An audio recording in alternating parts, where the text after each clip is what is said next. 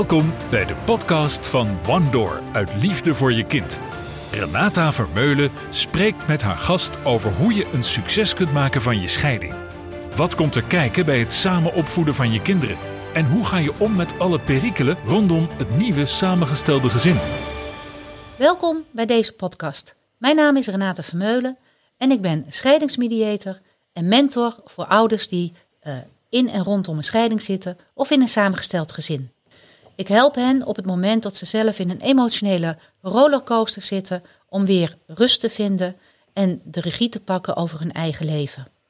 En vooral om elkaar los te laten, elkaar loslaten als partners.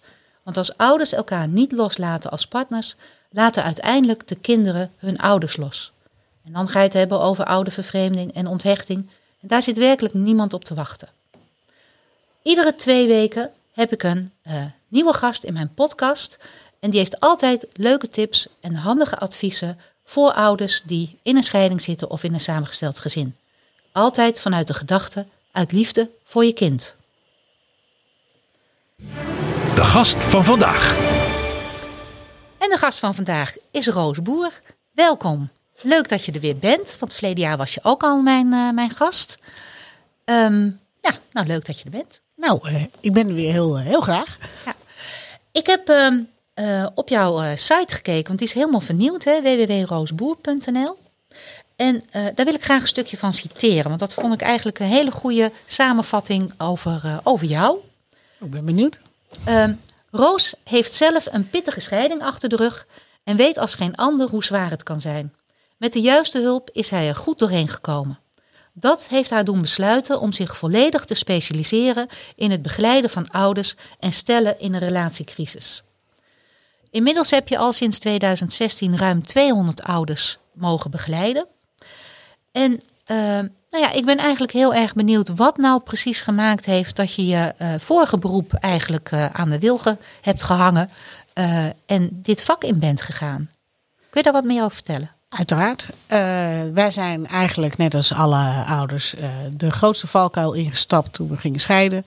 Door veel te snel eigenlijk uh, te storten op het zakelijke afhandeling van de scheiding. En dan bedoel je je huis, de alimentatie, ja, dat soort dingen. Naar de mediator en het meteen allemaal proberen te regelen met het idee, als het dan maar netjes op papier staat, dan kunnen we verder. Gaan we dan wel verder met het verwerken van. Ja, dat denken heel veel ouders. Ja. Ja. Tenminste, dat merk ik bij mij in de praktijk. Nou, ja. toen we tijdens de mediation vastliepen en ik dacht, ja, dit, dit gaat zo niet. Uh, we moeten toch naar de advocaat. En we kregen alleen maar meer ruzie in plaats van minder. En uh, je voelt je niet gehoord. Ik voelde me niet gezien. En uh, dat geldt natuurlijk ook voor mijn toenmalige echtgenoot. Mm -hmm. En ja, toen ik weer eens wanhopig was, uh, ben ik maar eens gaan googlen. Als je toch s'nachts niet slaapt, dan kan je dat best doen. Ja. En uh, ja, toen kwam ik bij Succes Scheiden Nederland terecht. En toen dacht ik, ja, dat zijn de onderwerpen waar het over gaat. Uh, wat moet ik met die emoties? Ik voel mezelf vreselijk op dat moment. En ik kon, kon mijn ei niet kwijt. En de, de, hij hoorde me niet, hij zag me niet. ik werd, was alleen maar boos en verdrietig en van alles. Ik vond mezelf helemaal niet leuk. En uh, ja, communicatie liep niet. En uh, ja, dat zijn natuurlijk allemaal dingen die je niet leert bij een mediator. Hoe ga je om met die emoties? Hoe ga je die communicatie nou veranderen? Ja, en hoe komen we daar nou uit? Hoe gaan we in hemelsnaam dan weer samen verder als ouders? Ja, bij mediator leer je vooral om, om ja, het over het onderwerp te hebben en vooral het niet over de emoties te hebben. Het vooral weg te stoppen. Maar daar los je het inderdaad niet mee op. Nee. En dan blijft het dus daarna ook een probleem. Ja. Zeker. En toen, toen werd je uh, door je, jouw coach geholpen, waardoor de mediation beter ging. En ja. toen dacht je van, nou, dit, dit moet eigenlijk veel meer mensen uh, als stoel krijgen. Nou ja, het was voor mij vrij duidelijk dat dat het ontbrekende puzzelstukje was. En uh, het unieke is ook dat je het ook in je eentje kan doen. Het hoeft dus niet samen. Ja, ja dat is wel, wel heel fijn. Hè? Want op het moment dat je samen met je aanstaande ex naar je emoties moet kijken ik ben dan ook mediator, hè, dus ik zie heel vaak ook mensen die dan de eerste keer voor het kennismakingsgesprek komen. En dan zodra zij iets zegt, dan zie je hem al draaien met zijn ogen of uh, nee te schudden of zuchten, weet je van. En andersom, hè, zodra hij iets zegt, nou, daar klopt ook altijd nooit wat van. Het is zo belangrijk dat mensen de gelegenheid krijgen om één op één gewoon alleen hun verhaal te kunnen vertellen en alleen met zichzelf aan de gang te gaan, in feite. Nee, je moet je eigen rommel opruimen. Of, Ja. je nou- of je nou leuk vindt of niet. Dat is echt het, eh, het belangrijkste stukje wat moet gebeuren. En eh, ja, een relatie heb je met z'n tweeën. Maar scheiden en vooral het verwerken ervan, dat doe je toch echt alleen. Ja, ja dat klopt. hey, ik heb nog verder naar jouw website gekeken, die ik trouwens echt heel mooi vind. Dankjewel. Ehm, en ik zie dat je een programma aanbiedt, eh, Succesvol Samen Verder, als stel of alleen als ouders. En eh, nou ja, dat is eigenlijk het onderwerp van eh, vandaag. Daar wil ik het uitbreid eh, over hebben. Het is ook iets wat, wat ja, eigenlijk een soortgelijk programma wat ik zelf bied. Ehm, ik noem het alleen iets anders, maar het komt in feite op hetzelfde neer. Nog samen door één deur als stel of als, als ouders. Ehm, maar jij hebt ook heel duidelijk dat je zegt van binnen zes weken moet het duidelijk zijn of je samen verder gaat of alleen als ouders. Ehm, en die, die zes weken, is dat echt een, een, een strakke, strakke tijd? Want ja, zelf laat ik het altijd een beetje afhangen van de agenda en van wat er, eh, wat er langskomt. Maar ik heb het idee dat het bij jou echt zes weken is. Klopt dat? Ja, ik probeer wel echt in te zetten op zes weken. Het kan een keer door een vakantie of iets, of een kerst of eh, wel eens een, een weekje langer duren. Maar de intentie daarachter is dus om het overzichtelijk te houden. Want de mensen die bij mij komen, dat zijn de mensen waarvan de een heeft geroepen: Ik ben er klaar mee. Eh, ik wil weg, ik, ik, ik wil niet meer. En de ander die zegt: Oh, paniek in het tent. Ik ben nog niet zo ver. Eh, hoezo? We moeten eerst nog relatietherapie. Je kan toch niet zomaar weggaan? Nou, beide gevallen zit je met iets waar je niet uitkomt.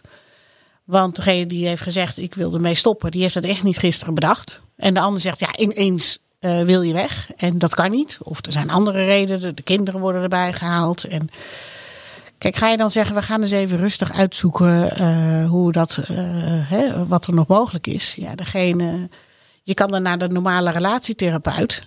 Maar ja, die kan eigenlijk niks. Want één roept, ik wil niet meer. Ja. En dan houdt eigenlijk de relatietherapie al op. Want dat ga je doen bij de relatietherapeut. Nou, wat ik doe is, ik haal eigenlijk de beslissing weg. Eh, daar praten we ook niet over zes weken lang. Dus uiteindelijk krijgen op dat moment geen van beiden eigenlijk wat ze willen. De een krijgt de scheiding niet en de ander krijgt de relatie eh, of therapie niet. Wat we gaan doen in die zes weken is eerst rust brengen.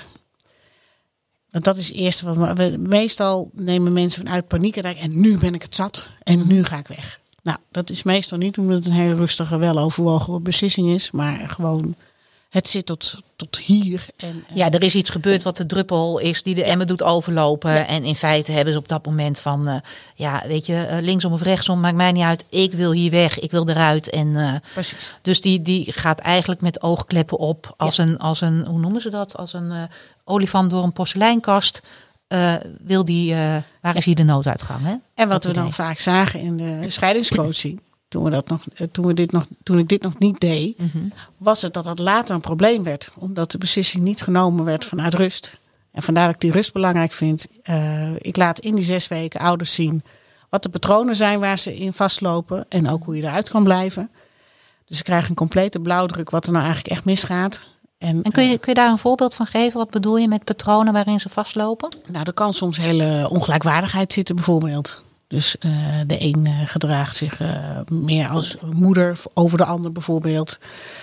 Regelt alles tot in eh, 36 cijfers achter de komma. En die zegt dan ook: Ja, ik doe toch alles voor je, waarom blijf je nou niet? Terwijl de ander misschien denkt: Ja, maar ik voel me helemaal ondergesneeuwd, ik word niet gezien. En waarom dan? Ja, Dus of het is echt ook een, een ehm, ouder-kindrelatie geworden Ja. op een gegeven moment. Hè? Ik heb dat laatst nog met een, een stel gehad. Ehm, toen hun kind geboren werd, had ze ja, niet één kind gebaard, maar in feite twee. Want eh manlief ging ze ook gelijk als kind behandelen. En ja, op een of andere manier heeft hij dat ook toegestaan. En na verloop van een aantal jaren had ze echt gewoon twee kinderen. En ze smeerde ook zijn brood en vulde ook zijn Ja. broodtrommeltje. En ehm, hij is toen vreemd gegaan. Hij heeft een ander gevonden. Ja, hij had geen partner meer. Hij had een moeder. Dus dan is het logisch dat er een soort vacature ontstaat voor een vrouw. Hè? En ehm, toen zij uit elkaar gingen, hè, zij wist dus dat er een ander was. En ze zijn nog een tijdje in één huis eh, blijven wonen. Dat kon even niet anders. Maar ondertussen ging hij wel naar zijn nieuwe vriendin. En zelfs toen pakte ze zijn koffer nog en smeerde zijn broodtrommel. Nee. Terwijl zij op weg ging, of hij op weg ging naar zijn nieuwe vriendin. En dan zie je dat er gewoon een hele onnatuurlijke, ongezonde relatie gegroeid is. Ja. In die partnerrelatie, wat gewoon geen partnerrelatie meer is. Maar inderdaad, wat jij zegt, een ongelijkwaardige relatie. Ja. En wat daarin dan vaker ontstaat, is dat ouders dus uit elkaar groeien. Daar zijn twee mensen ongelukkig. En eh, toch, ja, in, in 80, 90 procent van de gevallen waarbij ouders uit elkaar gaan, is er uiteindelijk een ander in het spel. Dat is natuurlijk altijd maar pas het, aan het einde. Daarvoor is al zoveel mis. En dat moet je eigenlijk eerst onder ogen komen. Ja. Goed aankijken, wat is nou eigenlijk echt aan de hand? En eh, als ouders dat dan inzichtelijk hebben, eh, en nog veel belangrijker, de bak met ellende, die moet leeg. Dat doen we ook in die zes weken. Hè, voor zo, want nu gaan we natuurlijk iedere keer eh, dezelfde dingen weer naar boven halen. Ja, Hè? de oude koeien de uit de sloot. koeien uit de Ja. sloot. En jij doet altijd dit en nooit zus. En nou, zij eh, kijkt nooit naar me om. En hij is, eh, zij gaat altijd naar haar vrienden. Ja, als dat soort woorden over tafel komen, zoals altijd, nooit, overal, nergens, dan weet je al van, ja, hier zit zoveel emotie onder. Dit is niet meer wat de werkelijkheid is, maar is zo gevoed vanuit emotie. Ja, En die emmer gaat leeg. En pas dan gaan ze beslissing nemen. Maar uit veel meer rust. En ik moet zeggen, ik heb wel alle opties al gehad. Dat ze allebei zeiden, we gaan het eh, serieus proberen. Eh, dat eh, nou, een van beiden zegt, ik stop ermee. En de ander wil nog wel. Ja, dat kan. Maar dan gaan we toch uit elkaar. Of allebei zeggen, we stoppen ermee. Heb je ook wel eens dat ehm, degene die in eerste instantie het initiatief genomen heeft van we gaan uit elkaar, ehm, dat die dan zegt als we na die zes weken van nou ik wil het eigenlijk wel weer proberen, maar dat de ander die eigenlijk niet uit elkaar wilde, die dan uit elkaar wil? Heb je dat ook wel eens dat gehad? Heb ik, ook, heb ik al meerdere keren gehad zelfs. Ja. Om maar aan te geven dat vaak als we vanuit hoge emotie zeggen, we, "Ah, we stoppen ermee. Dat is vaak ook alleen maar uit onmacht, eenzaamheid, verdriet, pijn. En helemaal niet van, nou laten we dit nou eens even een weloverwogen beslissing eh, laten zijn. Ja. En het is er nogal eentje. Het heeft nogal best wel veel invloed, zullen we maar zeggen. Absoluut. Het is de grootste beslissing uit je leven. En we, komen, we worstelen dus ook heel vaak met het moment. Ja. Heb jij nou, eh, wie heeft de beslissing genomen? Dus we gaan, eh, ouders gaan elkaar uitdagen. eh, om maar zover te krijgen dat jij zegt dat jij van mij wil scheiden en niet andersom. Ja, ik heb Oh ja, gezegd- ja, ja, ja dat, oh, dat ken ik. Oh ja. Oh, dat, oh, oh, oh. Ja. Eh, ik moet eerlijk zeggen dat ik zelf zo'n oudere, of een oudere, ik, ik heb dan zelf geen kinderen, eh, maar dat ik zelf zo'n vrouw ben geweest die eh, echt van alles heeft geprobeerd om ervoor te zorgen dat mijn partner zou zeggen van we gaan scheiden. Want ik wilde niet degene zijn die eh, ja, de knuppel in het hondenhok gooide, maar ik was er wel klaar mee. Ja. Ja, het is een hele. Het dus is die ook herken een, ik wel, Het is ja. een heel.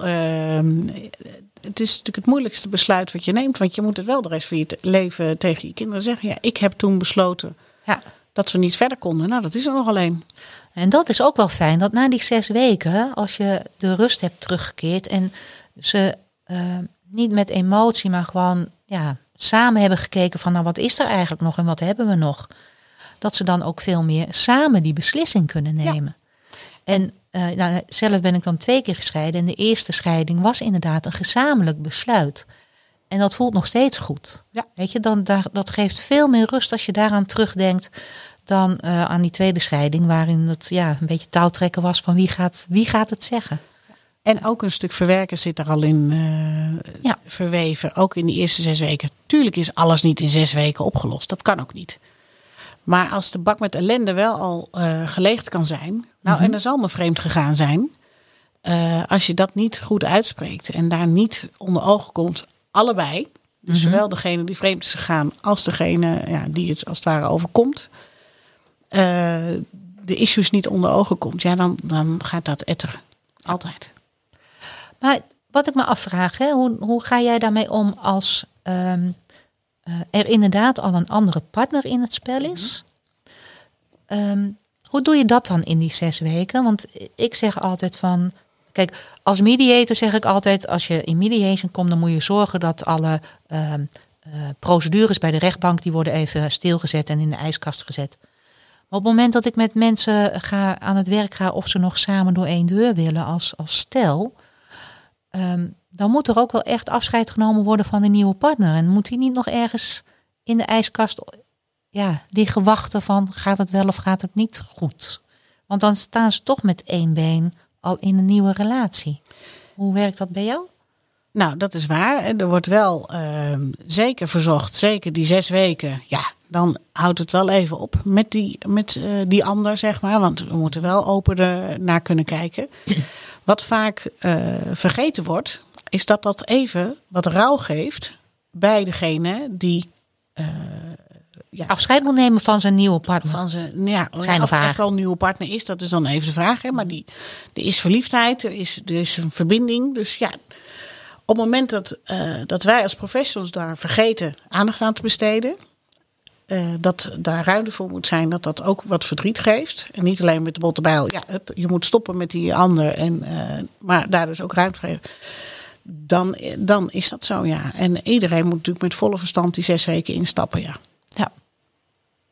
Anders werkt het. Dat is ook wel een verschil met eh, eh, traditionele eh, relatietherapie.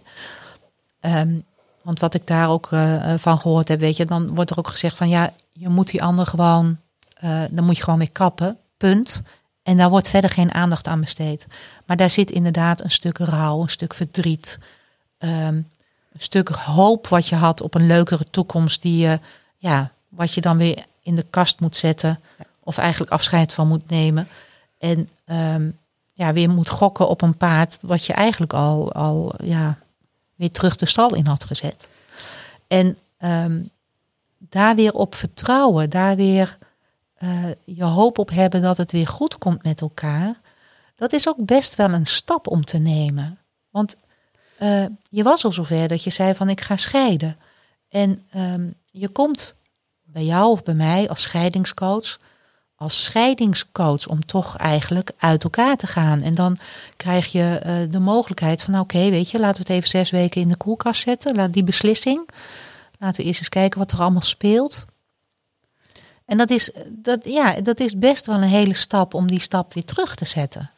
Ja, maar we moeten snappen waarom die stap eh, gezet moet worden en waarom het zo moeilijk is. Hè? Als twee ouders uit elkaar groeien en je bent uit elkaar gegroeid, zijn beide ouders op dat moment ongelukkig. Die missen wat. Ja. Alleen de een benoemt het en de ander niet. Ja. En, als we, en dat is wat we in die zes weken doen. We gaan daar naartoe. En dan zie je ook vaak, ja, ik was eigenlijk ook wel ongelukkig in de relatie bijvoorbeeld. Of ja, dit en dit miste er ook. En ehm, op het moment dat er ook weer begrip komt voor elkaar van, ah, dit heb ik, dit was mijn aandeel daarin. En eh, ja, eh, neem die ouder-kindrelatie die je net benoemde. Van ja, ik kan me eigenlijk ehm, wel voorstellen dat je je eenzaam hebt gevoeld. Wat niet wegneemt dat je nooit, maar dan ook nooit het recht hebt om vervolgens dan maar vreemd te gaan. Dat zijn wel twee verschillende dingen. Dus daar mag be- begrip komen voor de situatie. Hé, hey, we waren allebei, misten we wat in de relatie. Maar eh, het vreemd gaan, dat is zo immens pijnlijk. Dat heeft degene die vreemd gaan weer niet in de gaten hoe pijnlijk dat is. En degene, hè, dat is echt op zielsniveau. En dat maakt het ook zo moeilijk. Ja. Want sociaal gezien hebben we met elkaar afgesproken. Degene die vreemd gaat, ja, dat is eh, de foute, de schuldenaar. Die, eh, hè, die heeft het fout gedaan. En dat is ook zo. dat, dat, dat is wel wat de maatschappelijke eh, opinie ook is. Als je vreemd bent gegaan, ja, Ja. dat, dat is echt eh nadan. Ja.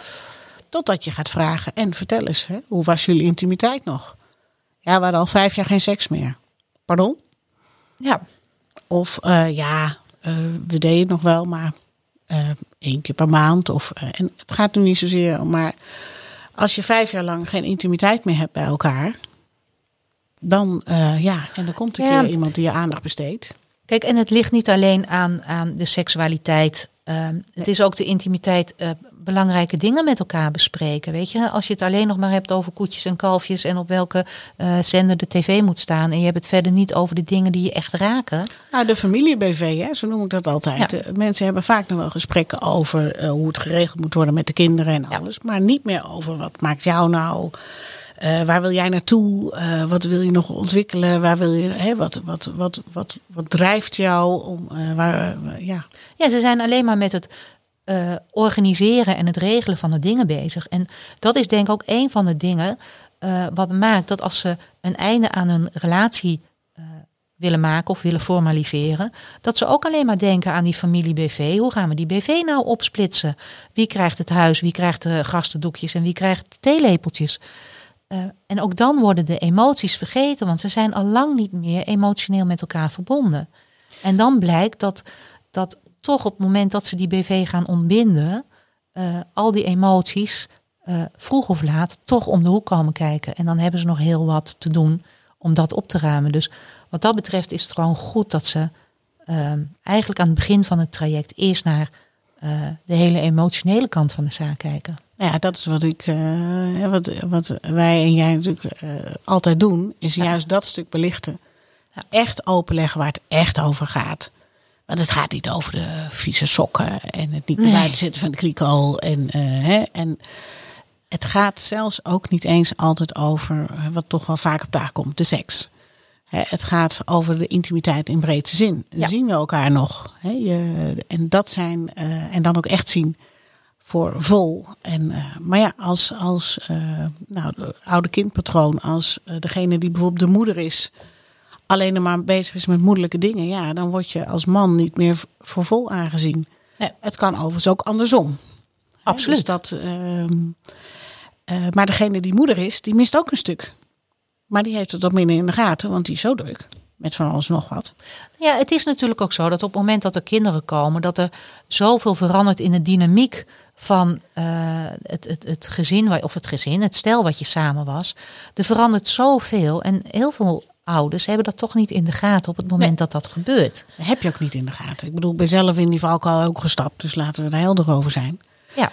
Um, en dat is denk ik ook wel ontzettend belangrijk in mijn missie, is om het oordeel weg te halen. Ja. Dat ouders dit allemaal met voorbedachte raden en bewust allemaal doen. Nee, je, je, je verzeilt ergens in, patronen ontstaan, de situatie ontstaat. En um, ouder, ja, je wordt als ouder de situatie onmachtig. Ja. En uh, dan heb je kennis nodig om eruit te komen. Dat is eigenlijk het belangrijkste. Ik wil weg bij het oordeel dat iemand iets fout doet. Of dat als we, de grote valkuil die er ook is, als we maar weten wie we de schuld kunnen geven, ja. dan is het hele probleem opgelost. Want dan kunnen we wijzen, ja, het is jouw schuld. Nou ja, en dan hoef je niet meer naar jezelf te kijken, want dan is er een andere uh, schuldig te gaan. En um, ik vind dat ook wel helemaal in onze maatschappij. Uh, dat er heel erg, tenminste, ik merk dat in, in mijn familie en, en vrienden en kennissenkring. Um, mijn moeder bijvoorbeeld, is natuurlijk al wat ouder. Mensen gaan veel te snel scheiden. Ze moeten oh ja. beter hun best doen. Um, alsof ouders het leuk vinden om te gaan scheiden. Alsof dat niet uh, hun laatste uh, ja, redmiddel is om nog weer een beetje gelukkig te worden. En um, er zijn, en dan moet ik zelf ook zeggen hoor, toen ik uh, voor het eerst scheide, ik, ik, ik, nou, mijn grootste rouwproces was het feit dat ik uh, mijn status van getrouwde vrouw kwijt was. Ik werd een gescheiden vrouw. En ik had me toch een oordeel over gescheiden vrouwen. Want dat waren allemaal mutsen en die waren saai en die waren, zaten altijd te mopperen. En, uh, en toen dacht ik, oh shit, nou word ik ook zo'n mens.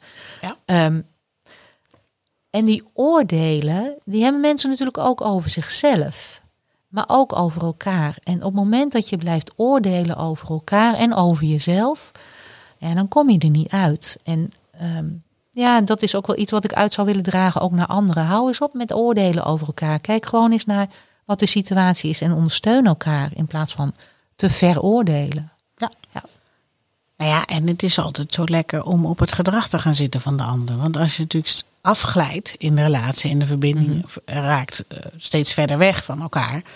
Ja, dan gaan we ook stomme dingen doen. Dus als, als de klanten bij ons komen, dan zeg je, dan, ja, maar het kan toch ook niet dat hij uh, zes keer per week uh, gaat voetballen. Dat is helemaal waar. En uh, een man die zegt, maar ja, het is toch logisch dat ik vaker wil vrijen. Want dat hoort toch bij een relatie. En beide hebben gelijk. Ja. Maar wat er vergeten wordt is, waarom gebeurt iets? Hè? En waarom wordt de ander zo boos of zo verdrietig of zo stil? Of um, ja, uh, van alles en nog wat kan het zijn. Maar uh, uh, gaat iemand letterlijk buitenshuis veel weg om mm -hmm. de spanning thuis maar te ontlopen bijvoorbeeld. Ja. Nou, dat is nu lastig hè, met de coronatijd. Dus, oh ja. is een groot probleem. Ja. Er staan veel relaties onder druk. Ja. Je kan twee dingen doen. Je kan het laten klappen of gewoon ook zeggen... hé, hey, we zien elkaar nu veel vaker. We voelen dat het misgaat. Ja, Laten we eens gaan kijken of Eens we er nog wat aan kunnen doen. ja. Ja. zie ik. heb ik veel in mijn praktijk nu. Ja. En toch ook ouders die zeggen... nou, kom erop. Wij willen eigenlijk wel, eh, wel weten over hoe we dit kunnen omdraaien. Nou, ik zeg ook wel eens wat je net zei hè, over dat gedrag. Ehm, mensen zijn niet moeilijk, maar ze hebben het moeilijk. Ja. En dat is, eh, eh, ja, als je dat wel eens zegt tegen ouders, van dan gaan ze even nadenken. Oh ja, ja dat is eigenlijk wel zo. Weet je, en dan, dan zet je hun gedrag eens naast elkaar. Hè. Hoe gedraag jij je? Hoe gedraagt die ander zich? Ja, heb je dat altijd zo gedaan? Nou, nee, eigenlijk niet. Weet je, je, je groeit in een bepaald eh, gedragspatroon. Eh, maar het zegt niet over wie je bent.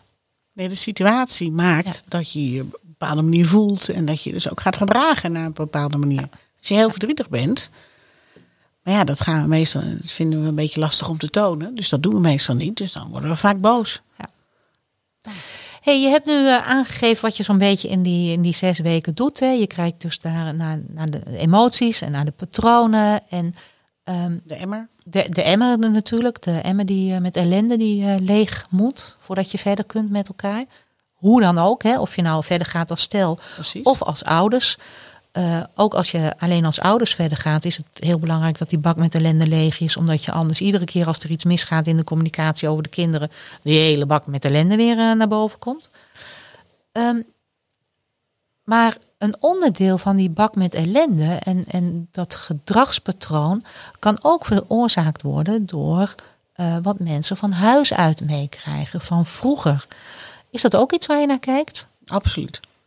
Het een zeer eh, essentieel onderdeel. Daarom coach ik altijd gedeeltelijk eh, individueel en gedeeltelijk samen.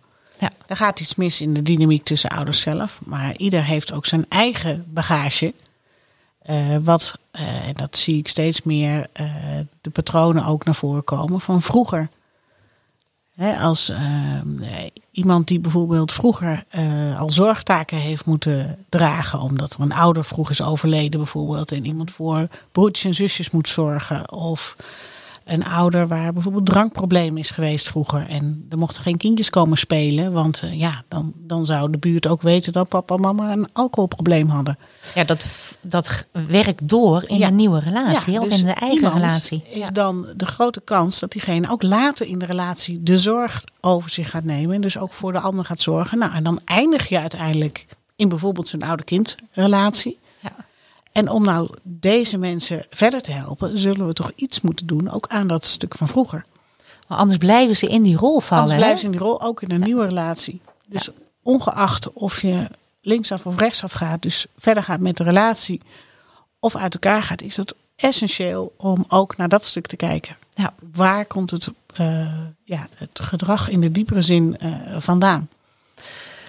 En dat, dat, dat doe je allemaal in die zes weken. In ieder geval. eh, Inzicht geven. Hè? Dus Inzicht geven, een complete ja. blauwdruk. Je ziet hem zo staan. Dus ze zien ook heel duidelijk, oh, dit moet er dus gebeuren. Ja. Dit is het stukje wat de een individueel moet doen, wat de ander individueel moet doen. En het stukje wat ze samen in de dynamiek eh, kunnen doen. En dat komt dan na die zes weken. Dan na zes weken gaan ze een beslissing nemen. Of samen verder. Of alleen verder als ouders. Ja. Eh, nou ja, als één van de twee niet samen verder wil, dan houdt het op. Hè? Ja, Want om samen verder te gaan, moet je echt samen zijn. Eh, dus dan ga je echt uit elkaar. Ehm, en op het moment dat ze samen verder gaan. ehm, ik neem aan dat jouw begeleiding dan niet stopt. Hè? Dan ga je verder als, als relatiecoach. Ja.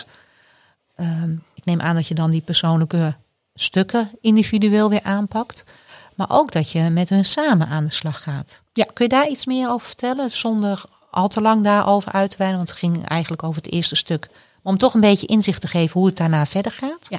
Nou, we gaan op zoek naar echt de pure verbinding weer te vinden met elkaar. Dus we moeten gaan kijken, hé, hey, wat doe jij nou in de relatie om bijvoorbeeld eh, te laten zien dat je om de ander geeft? Wat, hè, hoe hoe eh, toon je je liefde? Ehm, dat is een belangrijk eh, punt. Ehm, we hebben natuurlijk te maken met de bak met ellende die geleegd is. Ja, daar komen wel dingetjes uit die we nog even uit moeten werken samen.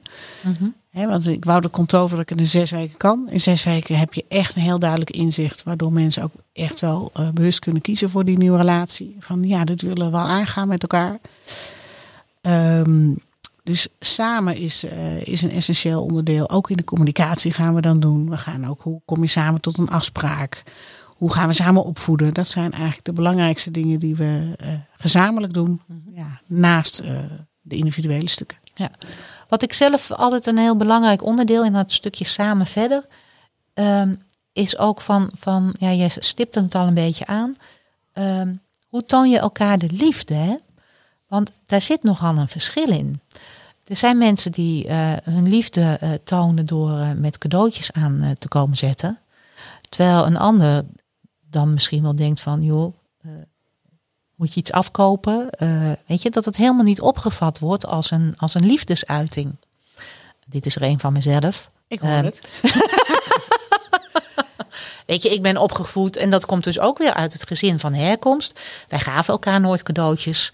En um, ik, ik, ja, ik weet nog dat uh, bij mijn tweede man, die gaf mij voor mijn verjaardag een grote um, make-up doos. Ik had echt zoiets, wat moet ik daarmee? Toen bleek hij dezelfde ook aan zijn ex gegeven te hebben. Dus dan had ik zoiets van, nou ja, weet je, dat ging helemaal mis rondom die cadeautjes. Maar ik, ja, ik vind het wel leuk om wat te krijgen. Maar ik zie dat niet zo gauw als een, als een liefdesuiting.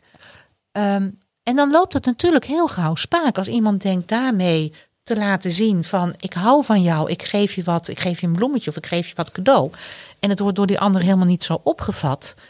Ja, dan, dan krijg je daar natuurlijk al een enorme clash in, in, in miscommunicatie. Maar wat je dan vaak ziet is dat diegene denkt, ja, waarom waardeert diegene nou dat cadeau? Die gaat nog een cadeau en nog groter en nog meer en nog meeslepender. En die anderen denken, waarom lukt het nou? Waarom ja, ja, ik heb toch zoveel aan jou gegeven, het zit je nou moeilijk te doen. Uh, terwijl uh, de ander misschien uh, veel meer behoefte heeft aan samen dingen doen. Nou, een IOV-bol. Ja, aanraking kan het zijn, maar ook dus tijd met elkaar doorbrengen. waarbij dus degene die dat, die dat als liefdestaal heeft, daar heel erg op gaat zitten. Ja, je maakt nooit tijd voor mij. Ik wil, ik wil tijd met jou. Waarom? En die andere, ja, ik heb je toch net bloemen gegeven en die gouden ring en uh, nou dit en dat. En dan gaat het dus langs elkaar heen. Maar de intentie, en dat is wel heel belangrijk, is altijd goed. Ja. De intentie is altijd, ik wil jou een leuke dag bezorgen. Want er is niemand die opstaat. Goh, laat ik nou eens even een rotdag bezorgen. En is dat ook in, jou, in jouw visie het verschil? Uh, kijk, op het moment dat je net verliefd bent op elkaar dan versta je al die liefdestalen. Hè? Dan, dan een cadeautje vind je leuk en die over je bol vind je leuk en samen dingen doen vind je leuk. Maar op een gegeven moment in de loop van de tijd, ja, dan, dan, dan vat je niet meer alles op als een, een liefdesuiting. Nou ja, eh, in het begin ben je met z'n tweeën en is, en is alles een grote roze bubbel. Uh, maar dan komt het echte leven en dan komen de kinderen en dan, uh, dan moeten we werken. En weet je, we doen nog even een lockdowntje overheen. Oh ja. hè, het, er komt zoveel meer bij, waardoor er ook gewoon minder ruimte is. Ja. Ik denk dat we nog steeds alle liefdestalen leuk vinden. Alleen we hebben een paar voorkeurstalen. En ja. als je die weet van elkaar en daarop gaat inzetten. En nog veel belangrijker, dat, dat we vaak in relaties niet concreet genoeg zijn. Als jij nu tegen mij zegt, uh, uh, ik vind uh, rode wijn van dat château of een Merlot vind ik heel lekker. Dan is het voor mij heel makkelijk, als ik jou een plezier wil doen, om de volgende keer als je komt een fles mooie Merlot van dat château bijvoorbeeld te kopen. Ja. Dan doe ik jou een heel groot plezier. Maar ja, ik weet dat niet, want jij hebt dat niet tegen mij gezegd. En ik zet witte wijn voor je neer. Heb ik hartstikke mijn best gedaan. Ik ben helemaal naar de winkel gegaan. Een mooie fles witte wijn gekocht. Ik zet die neer. En jij denkt... Witte wijn. Ik hou niet van witte wijn. En ja. ik krijg dus ook dan dus niet de reactie die ik verwacht. Ja. En ik snap er niks van. En jij eigenlijk ook niet.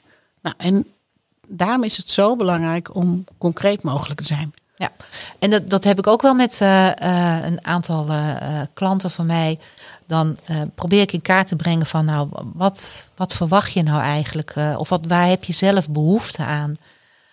En dat weten mensen vaak helemaal niet. Maar ze verwachten wel van hun partner dat die precies weet waar ze behoefte aan hebben. Je snapt toch wel dat ik het fijn vind als jij uh, vaker wat leuks met me gaat doen. Ja. Of dat jij een keer de voor mij vaatwasser inruimt. Ja. Dan krijg ik ook altijd de opmerking, ja, maar er is er toch niks meer spontaans aan? Ik, eh, Ja. Ja. ik, eh, ik zeg, probeer het maar eens, heel vaak. Ga het maar gewoon eens doen. Want het wordt wel heel leuk. Want jij krijgt wel de fles wijn of de chocola die je lekker vindt. Of eh, als je zegt tijd met elkaar doorbrengen. Oké, hoe dan? Is dat samen op de bank Netflix kijken wat je wil? Of wil jij samen wandelen omdat je de natuur ook fijn vindt? Is samen tijd doorbrengen alleen vakantie? Ja, maar op een of andere manier lijkt het wel alsof we willen dat onze partner ehm, aan ons, het, het trillen van onze neusvleugels kan zien waar wij behoefte aan hebben. En dat is natuurlijk niet zo, maar het gewoon uitspreken naar elkaar. Nou ja, wat jij zegt, dat haalt dan alle spontaniteit weg. Nou ja, dan is het iets minder spontaan, maar je krijgt wel dat wat je wil. Nou, en het is als doel om het weer te laten stromen. Als het eenmaal weer gaat stromen, dan kan je ermee gaan spelen. En, eh, en dan, eh, maar het gaat juist om dat je weer die verbinding moet zoeken. Dan moet je even concreet zijn. Ja. En vaak, als, ik, als je aan iemand vraagt, nou, waar heb jij nu behoefte aan? Dan blijft het stil. Ja, En eh, ja, hoe moeten anderen dan eh, maar kunnen raden? Ja, en, en daar help ik dus ook ouders bij. Dit is weer zo'n belangrijk punt waarbij je heel makkelijk uit elkaar kan groeien. Eh, terwijl je eerst eigenlijk naar binnen moet, naar je eigen stuk kijken. Waar heb ik behoefte aan? Ja. En dat uitspreken. Moet je helder maken voor jezelf. Dus even samenvattend, op het moment dat ze dus kiezen voor samen verder, Ja. ehm, dan zit eigenlijk alles is ook gericht op weer die verbinding vinden met Ja. elkaar. Hè? Absoluut. In, de, in alle vormen.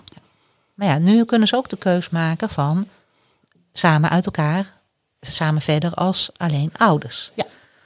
Eh, ook dan komt er nog heel veel op hun pad. Dan zijn ze ook niet klaar na die zes weken, want dan moet er nog het een en ander. Ja. En dan heb ik het even niet over alles wat geregeld moet worden, maar ook nog bij jou als, als, als coach. Wat zijn dan de onderwerpen waar je tegenaan loopt of waar je mee aan de gang gaat? Omdat je in die zes weken de beslissing hebt losgelaten. En uiteindelijk het besluit valt. We gaan toch uit elkaar. Komt altijd weer even de klap. De klap van oké, dan is het nu echt definitief. Ja. Dus een belangrijk onderdeel is dan verwerken. Dat is individueel. Want op dat moment zitten we ook allebei ineens weer in een andere fase. Ja. Dus individueel verwerken is daarbij heel belangrijk. Ook de communicatie herstellen. We gaan nog steeds met de dingen aan de slag die natuurlijk in die zes weken naar boven kwamen. Wat gaat er mis in de dynamiek? Alleen het hoeft minder diep. We hoeven nu alleen nog maar verder als ouders. Ja. Eh, het vertrouwen hoeft alleen nog maar, als er gebrek is aan vertrouwen, alleen hersteld te worden. En eigenlijk is er altijd gebrek aan vertrouwen, over en weer. Ja. Ehm, hersteld te worden tot ouderniveau. Dat is totaal wat anders dan op partnerniveau. Ja. Eh, dus daar gaan we mee aan de slag. Dus ook weer die communicatie. Eh, hoe komen we tot een goed compromis? Ik help ouders ook bij het maken van eh, de afspraken die, die gemaakt moeten worden. Mhm. Behalve het financiële stuk. Dat, daar heb ik, nou, werken wij heel vaak samen. Ja, Hè? Dat ja. geef ik aan de uithanden aan jou, omdat jij dat hartstikke goed kan. En eh, ik daar niet mijn expertise ligt. Samen eh, opvoeden. Maar ook hoe vertellen we dit de kinderen? Ja. Wat zeg je wel? Ik begeleid ze ook in het proces wat de kinderen vervolgens meemaken. Ze kunnen met mij sparren van hé, hey, onze dochter laat nu dit gedrag zien. Of die gaat ineens eh, heel boos worden, of heel verdrietig, of heel stil. Of Of heel behulpzaam, hè? Dat kan heel nog. behulpzaam, ja. Hij gaat ineens, eh, nee, gaat zo goed, want ineens eh, eet ze de bord leeg en gaan ze op tijd slapen. En nou, dan maak ik me meer zorgen dan wanneer ze heel boos worden. Ja. Of verdrietig zijn. En ouders zijn dan juist vaak heel blij hè, als kinderen die eh, laten is dan wel goed. voorbeeldig gedrag zien. Ja. Nee, dan hebben ze geen last van de scheiding. Maar ja, we weten dat dat anders Ja. is. Hè? Ja. En ook als kinderen eh, in zo'n proces, en soms al, eh, dat geldt overigens ook in de relatiecoaching. K- kinderen kunnen hoe dan ook in alles wat er gebeurt is al in een loyaliteitsconflict eh, terechtgekomen zijn. Ja. Leer ik in beide gevallen ouders hoe ze daar eh, uitkomen. Ja. En wat zij dan als ouders daarin te doen hebben. ja, want dat is altijd een taak voor de ouders om Ja. daar eh, mee aan de gang te gaan. Nou ja, je zei het al, hè, we werken ook samen om eh, ehm, eh, dan ook de hele scheiding te formaliseren. Ik doe dan het stukje mediation eh, ehm, met alle dingen die zakelijk geregeld moeten worden, van Ja. huis en alimentatie, et cetera. En ik moet zeggen, nou, het is altijd een genot om te werken met, met jouw klanten, omdat ze gewoon aan tafel geen ruzie meer maken en eigenlijk heel vlot tot eh, goede afspraken komen. Wat heel erg duidelijk is, is dat ze eh, niet meer vanuit emotie reageren en elkaar weer wat gunnen. Ja. En dat is zo'n wereld van verschil. Dus dat is altijd heel erg eh, prettig. Nee, het is echt een groot genoegen als mediator om met jouw eh, klanten te werken. Nou, dat is fijn. En ik gun het met name die ouders ook. Ja. Want dit is ook waarom jij mediator geworden bent. Ja. Om die ouders tot mooie afspraken te maken. Alleen we misten gewoon een stukje. Ja, nou ja, ik vind het ook heel fijn om dat coaching eh, eh, ervoor te doen. Ja. Eh, het is echt gewoon een wereld van verschil. En het zou eigenlijk niet meer zonder moeten Nee. mogen, vind ik. Als je het mij vraagt, moet Ehm, eerst gecoacht worden. Wij kunnen hier dagen over praten. Zeker. Ehm, maar we gaan er nu voor dit stukje even mee stoppen. Ik wil even een, een leuke kort intermezzo inlassen. Recht uit mijn hart. Het kaartspel voor ouders en kinderen in scheiding. Ja, recht uit mijn hart. Het kaartspel voor eh, eh, ouders in scheiding. Ik gebruik dat eh, regelmatig met ouders. Ook altijd om een beetje lucht erin te brengen. Want het zijn altijd van die ernstige onderwerpen. Maar een beetje humor en een beetje ontspanning is altijd wel prettig. Dus wat ik ga doen is, ik ga eh, drie kaartjes voor jou trekken. Nou, we zitten op een ruime afstand van elkaar. Dus ik moet ze even eh, naar je toe sjoelen. Ehm, de vraag is of je daar antwoord op wil geven, zodat de kijkers, hij zit onder je boek, ehm, wat meer over jou leren kennen. Als er een tussen zit waarvan je zegt van nou dat is te privé of het is niet voor mij van toepassing, dan moet je het zeggen, dan gooi ik een andere naar je toe. Deze is niet van toepassing. Is niet van toepassing, nou, dan krijg je, komt Ook niet, sorry. Ook niet.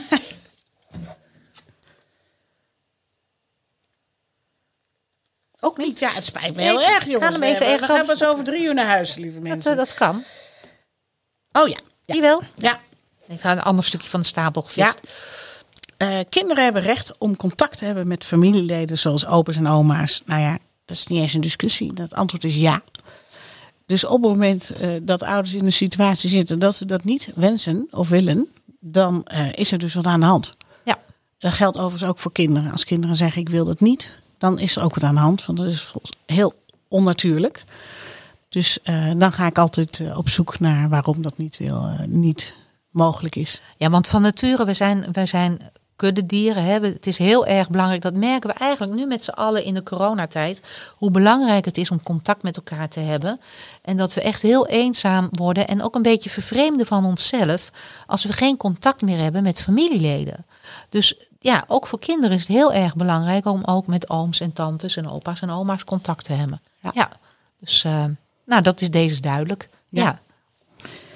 Eh, deze is wel leuk. Wat ik graag nog een keer over zou willen doen. Oké. Nou ja, eh, wat zou ik graag over willen doen? Ehm, ik denk dat ik eh, gek genoeg dan mijn scheiding nog een keer over zou willen doen. Ja? Om met de kennis die ik nu heb, die ik toen, ja. Ik heb net als heel veel ouders natuurlijk in heel veel valkuilen ben ik gestapt. En die had ik graag anders willen doen. Eh, voor mezelf. eh, voor eh, de vader van mijn kinderen. Mhm. En vooral ook voor eh, mijn kinderen zelf. Voor de kinderen. Ja, maar nu heb jij tijdens jouw scheiding eh, een soortgelijke vorm van, van Ja. coaching gehad. Zeg je dan van, ik had er eigenlijk eerder mee moeten Veel beginnen? eerder. Dat is eigenlijk Veel wat ik probeer te zeggen. Eigenlijk, ik had ontzettend graag eh, het traject wat ik nu aanbied, eh, die zes weken, om het gewoon eens onder oog te komen. Wat gaat er nou eigenlijk mis? Wat gaat er mis eh, tussen... nou, wat is er misgegaan tussen ons? Waar hebben we elkaar verloren? Even die pas op de plaats. Ja, Ja. die had ik graag samengenomen. Dus als dat, ja, dat had ik. Ja. En misschien niet eens zozeer, nee, niet zozeer om bij elkaar te blijven, maar wel om het op een. Ik, wat ik zie bij mijn cliënten, dat ze het op een veel mooiere manier afsluiten. Dus Ja, je gaat- sluit je- de relatie echt af. ja, je neemt uiteindelijk dan gezamenlijk de beslissing om uit elkaar te gaan na die zes weken. Ja. Omdat je er samen naar gekeken hebt van, kunnen we nog verder of kunnen we niet verder? En anders dan is het in emotie en dan, ja. Ja. Nee, ik snap hem. Ik snap hem helemaal. Ja. Dus dat, eh, ja, Ja, die. dat zou je ook willen doen. Eh, deze De laatste. leuk. Ehm, mijn minder sterke kanten zijn. Oh, vertel. Eh, meer, ja, ik kan ongeduldig zijn.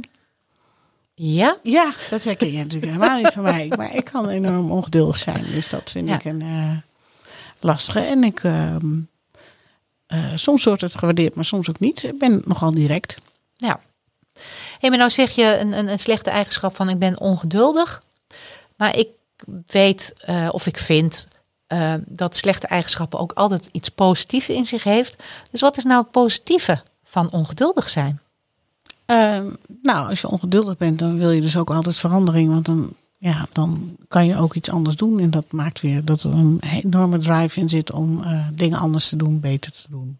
te En ik denk ook, jouw, jouw kennende, ook voor jouw klanten, eh, is dat het niet een eeuwig touw trekken en nog eens proberen. En weet je, jij bent ook wel iemand die eh, snel resultaat wil en heel resultaatgericht werkt. Ja. En dat komt ook uit dat stukje ongeduld. Je, ja, Ja, je wil wel snel resultaat. In die, in, die, in die zes weken, dan moet het echt een hele klap beter zijn. Ja. eh, helderder zijn, want anders kun je niet verder. Nou, Dus dat. dankjewel voor deze openhartigheid. Eh, normaal gesproken zou ik vragen of je er ook een van mij trekt. Maar dat is vanwege de afstand een beetje lastig. Dus ik ga er zelf een trekken. Nou, eens kijken wat ik krijg.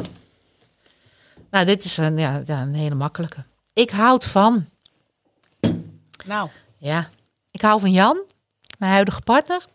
Ik hou van mijn vier border collies. Ehm, en ik hou ook heel erg van mijn werk. Ik vind het zo ontzettend mooi werk wat wij doen. Het feit dat je, dat je eh, ouders die eigenlijk de wanhoop nabij zijn, niet meer weten hoe ze verder moeten, eh, eh, ja, echt gewoon niet weten hoe ze het moeten doen. En dat is logisch, want als met een beetje geluk is het de eerste keer dat ze gaan scheiden.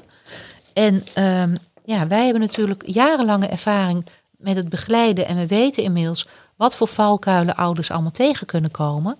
En we kunnen ze helpen om dat te voorkomen en, en daar met een sla om omheen te gaan en het op een goede manier te doen. En ze hoeven niet zelf iedere keer weer het wiel uit te vinden. En dat vind ik gewoon echt, ja, daar hou ik van. Dus Ja. dat, eh, ja. Nou, eh dankjewel. We gaan door naar het eh, volgende onderwerp. Boekentip van Renata en haar gast. Een, eh, een vaste rubriek is eh, eh, ja, een boekreview. Ik heb aan jou gevraagd welk boek eh, zou je willen bespreken. en dat is eigenlijk het vervolg op het boek wat we verleden jaar besproken hebben. Van eh, Edith Eger. Eger. Eger. Ik weet nooit hoe ik het moet uitspreken. Eger, Eger. Edith Eger, daar houden we het op. Eh, vorig jaar was het boek De Keuze. Ehm, en eh, dit keer is het boek Het Geschenk. Dat is eigenlijk het eh, vervolg erop. Ehm, even voor de kijkers en luisteraars even een stukje over het andere boek, De Keuze.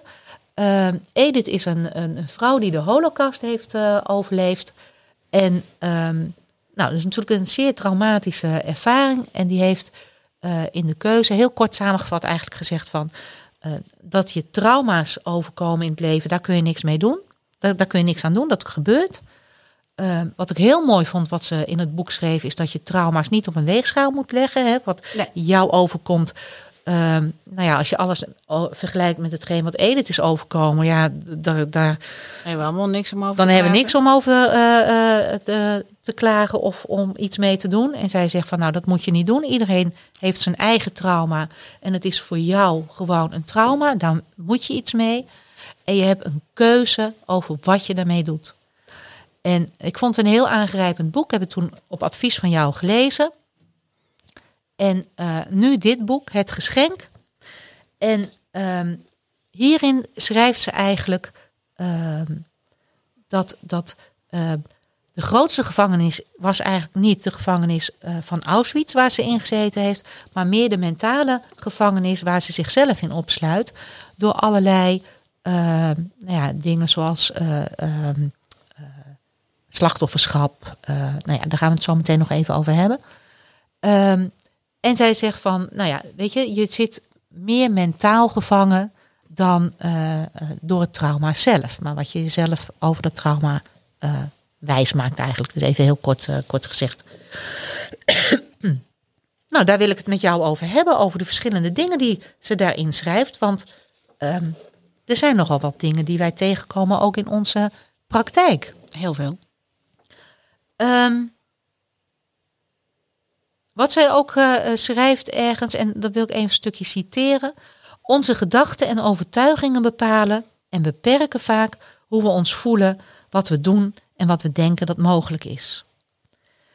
En dat vond ik weer zo kort en krachtig omschreven, want zo is het natuurlijk wel. Het is wat we denken wat bepaalt hoe we ons voelen. Ja.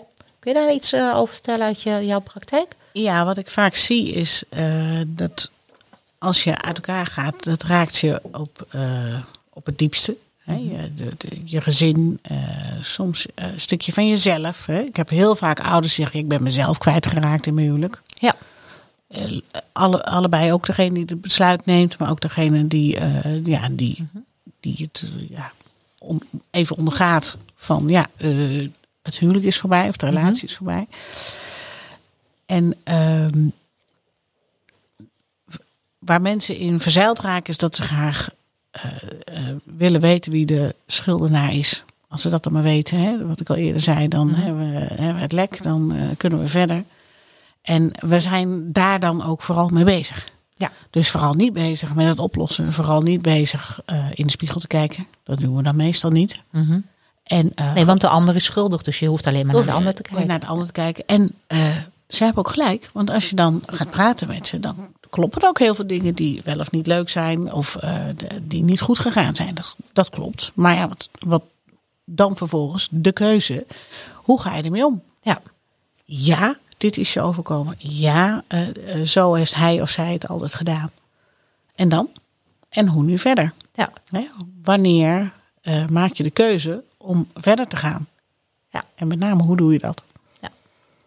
Nou ja, wat, wat, wat mij opviel in dit boek is dat er eigenlijk verschillende gevangenissen eh, naar voren komt. Die ook gewoon ouders in een scheiding tegen zullen komen.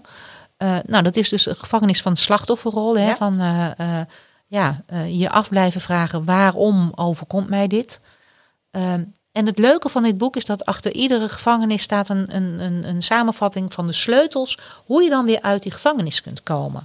En eh, de sleutel om bijvoorbeeld uit die slachtofferrol te komen is om niet meer te vragen waarom, maar en nu? Wat gaan we doen? Precies. Met waarom kijk je naar het verleden, van waarom is dat allemaal gebeurd? Dan blijf je eigenlijk in het verleden hangen. En met te kijken van en wat nu, stap je weer in de toekomst. Nou, zo zijn er een aantal gevangenissen. Ik zal er een paar noemen. We gaan er niet al te diep op in, want eh, ja, we moeten een beetje op de tijd letten. Je hebt de gevangenis van vermijding, hè, gewoon niet willen voelen. Ja. Nou, eh, dat weten we alle twee. Je moet wel voelen, Ja. want anders kun je het niet verwerken. De gevangenis van verwaarlozing, jezelf gewoon niet de moeite waard vinden om van te houden. Nou, dat is ook eentje die door het huwelijk kan zijn ontstaan, hè, waar iets mee moet gebeuren. En dan vooral wel zeggen, maar jij moet wel van mij houden. Ja, ik hou niet van mezelf, maar jij moet wel van mij houden. Ja, inderdaad. De gevangenis van geheimen. En dan niet de geheimen voor de ander, maar ook geheimen voor jezelf. Weet je, eerlijk zijn tegen jezelf is vaak heel moeilijk, maar ook heel erg nodig. En het zijn allemaal onderwerpen die in ons coachprogramma eigenlijk ook naar voren komt.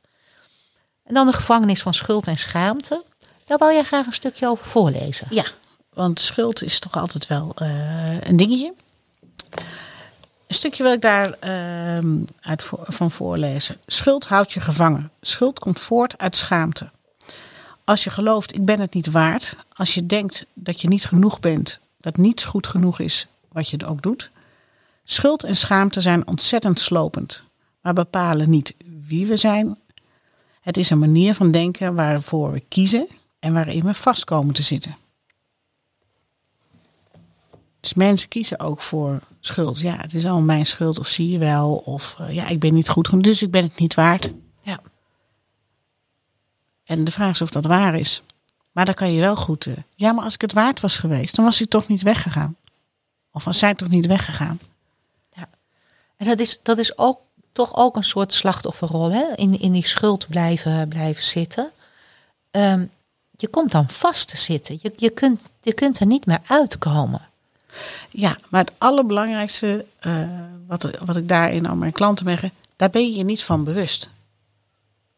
Dat je dat doet. Dat je Nee, dat, dat nee, nee. dingen zegt en dat je daardoor jezelf eh, ja, klein houdt of tegenhoudt. Maar dat is in feite met alle ehm, gevangenissen die zij noemt, hè, die mentale gevangenissen. Mensen zijn er zich niet van bewust. Nee. En ehm, dat kan ook niet, Want er, weet je, je hebt iemand nodig die een spiegel voor je houdt. Je, je, kunt, je kunt niet naar jezelf kijken als niemand je een spiegel voor je houdt. En uh, door de drukte van alle dag en, en de hectiek en de emotionele rollercoaster waar je in zit op het moment dat je relatie op de klippen loopt, ja, dan is het wel heel erg lastig om naar jezelf te kijken en niet vooral naar een ander te wijzen. En um, dan heb je gewoon een ander nodig die jou helpt om te kijken van wat is er nou werkelijk aan de hand. En dat is ook met dat schuld en schaamte. Um, als niemand je erop wijst, dan blijf je er onbewust in zitten. En dan blijf je in feite, ik, ik, ik, ik zeg dat wel eens tegen ouders, dan ze willen uit elkaar om weer uh, een leuk, gezellig leven te krijgen. Maar door die hele scheiding blijven ze zo aan elkaar vastgehaakt, omdat ze het maar niet goed kunnen verwerken. En dat zie je heel vaak. Hè? Dat zijn ze al tien jaar gescheiden, maar ze kunnen nog niet samen op de verjaardag van een kind komen of van een kleinkind. Die mensen hebben een scheiding gewoon niet goed verwerkt. En dat is eigenlijk jammer voor alle betrokkenen. Ja, dan kom je eigenlijk terug bij het begin. Daarom is dit stuk wat wij doen zo ontzettend belangrijk. Ja. En niet uh, hoe gaan we het eh, financieel ja. regelen. Dat is echt. Uh, dat is echt ondergeschikt. Dat is echt ja. ondergeschikt. Maar wat ik, wat ik ook wil zeggen is van. Um, uh, mensen hebben het vaak zelf niet door. Hè? Dus het is niet. Um, jij zei net, wat zou ik opnieuw willen doen? Of wat zou ik over willen doen? Ik zou eerder in mijn scheiding die hulp ingeroepen hebben. Ja, uh, wat dacht je van eerder überhaupt in de relatie? Hè? Uh, ik heb maar ook gezegd. Je kunt het op dat moment niet zien, weet je? En uh, het is niet erg. Ik kom weer terug op dat oordelen. Hè? Als mensen nu zitten te kijken of te luisteren en denken van, oh ja, weet je, ik ben inderdaad tien jaar geleden gescheiden en ik kan inderdaad nog niet uh, samen met mijn ex op de verjaardag van mijn kinderen komen. Um, dat is niet erg. Weet je, het is jammer dat het zo is, maar je hebt het niet gedaan om dit te bewerkstelligen. Dit is nooit jouw bedoeling geweest. En het is nooit te laat om alsnog hulp te, in te roepen. En dat kan gelukkig eenzijdig. Je hebt daar je ex niet bij nodig. Je kunt nog steeds goed gaan scheiden. Je kunt dat altijd nog, uh, al ben je twintig jaar gescheiden. Ja. ja. En mensen denken van, dat kan niet. Maar, het kan wel. Het kan wel. Ik heb, jij hebt ze ook dagelijks in de praktijk, ik ook. Ja. En dat, dat um, weet je, ook die resultaten. Het is zo mooi als, als je weer aan uh, relatieherstel doet tussen kinderen en, en uh, ouders. Hè? Uh, want als het zo ja. slecht gaat, dan zie je ook vaak dat ouders en kinderen elkaar weinig zien, of misschien helemaal niet meer zien. En als je die relatie kunt herstellen, weet je, het is altijd de moeite waard om hiermee aan de, aan de gang te gaan. Um, de laatste gevangenis waar ik het over wil hebben, waar ze over schrijft, is die van het niet vergeven. En dat vind ik ook zo belangrijk. Je kunt zo. Um, vergeven doe je niet voor de ander, vergeven doe je voor jezelf. Want als je de ander niet vergeeft voor alles wat er gebeurd is, dan blijf je eigenlijk al je energie nog steken uh, in die ander. In plaats van dat je verder kunt met je leven. Dus ook dat, weet je, um, en het haakt allemaal in elkaar. Je kunt pas vergeven als je flink boos kunt worden. Je moet je woede, je moet je emoties kunnen uiten. En vaak, ja, vermijden we dat. We willen onze gevoelens niet uiten. Ja, jij noemt nu boosheid. Bijvoorbeeld. Maar ik wil al graag het verdriet benoemen. Ja. Het diepe verdriet. Want boos zijn kunnen mijn klanten vaak heel goed. Maar het verdriet voelen van het kwijt zijn van de ander, het kwijt zijn van het gezin, het missen van de ander. Mhm. Hè? Want uh, ja, uh, vaak kunnen we onder ogen zien dat sommige dingen niet zo leuk waren aan die ander. En dat kunnen ze heel goed benoemen. Ja. Wat we niet leuk vinden aan de ander. Ja. Maar we vergeten vaak uh, de leuke dingen van de ander. Hè? De dingen waarom je misschien 15, 20, 30 jaar bij die ander bent geweest. Ja. Die missen. Dus dat is vaak de gevangenis waar je in zit. door alleen maar in de boosheid te schieten. Uh, ja, als ik, uh, ja, dan pel ik ze meestal af naar diep verdriet. En dat is toch vaak het gemis. Ja. En als je die uh, durft te pakken, daar naar durft te kijken. En dat lukt vaak niet alleen. En zeker na lange tijd niet. Want het is toch ook wel lekker fijn om te zeggen wat diegene allemaal verkeerd heeft gedaan. Maar die andere heeft ja, ook heel veel dingen goed gedaan. pijn, die, die doet ook of dat diepe verdriet, dat doet ook pijn. Ja, dat doet ontzettend pijn. Het meest afschuwelijke wat ik ja. uh, ooit heb gevoeld, ja. Maar als je dat blijft vermijden, kom je nooit los van die ander. Ja. En dat is gewoon zo ontzettend belangrijk. Ehm, tot slot over het boek wil ik nog een stukje citeren uit het slotwoord.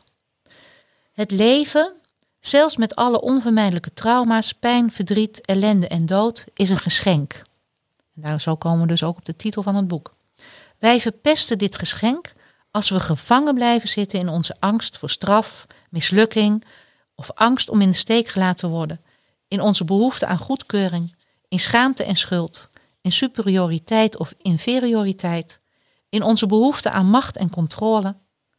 Het geschenk van het leven vier je door alles wat er gebeurt eh, op zoek te gaan naar het geschenk. Zelfs in die dingen die moeilijk zijn, waarvan we niet zeker weten of we die kunnen overleven. Door het leven te vieren, punt uit. Door te leven met vreugde, liefde en passie. En toen ik dat las, moest ik denken aan het levensmotto van mijn vader, die ik heel erg graag van hem overgenomen heb toen hij is. Of toen hij is overleden. Leef het leven als schaatsen over één nacht ijs. Vaart houden en blijven zwieren, anders zak je er doorheen. Prachtig. En dat, ehm, ja, nou ja, kortom, eh, voor iedereen. Het geschenk is echt een, eh, eh, een aanrader voor iedereen. Voor iedereen die iets vervelends meegemaakt heeft in zijn leven. En vooral voor onze klanten, de ouders die eh, ehm, ja, op het punt staan om te gaan scheiden of daar nog vraagtekens bij hebben. Ehm, voor onze kijkers en luisteraars is het mogelijk om een exemplaar te krijgen, want we gaan er één verloten. Voor iedereen die eh, eh, op de social media eh, hashtag voor je vriend, uit, uit liefde voor je vriend, uit liefde voor je kind plaatst. Tussen nu en twee weken, dan ga ik over twee weken het boek verloten. Dus ik zou zeggen, plaats de hashtag. En dan zijn we nu aan het einde gekomen van de uitzending. Wat wil de gast van vandaag jou meegeven? En dat is dan nog mijn vraag aan jou. Heb je nog een leuke tip eh, als uitsmijter? Zie eigenlijk je relatiecrisis, of die nou voorbij is of dat je in een dikke, dikke crisis zit, ook als een geschenk.